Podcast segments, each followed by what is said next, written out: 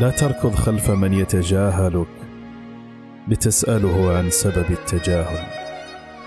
الحريص على وصالك سيبادرك بالعتاب ويواجهك ليتمسك بك.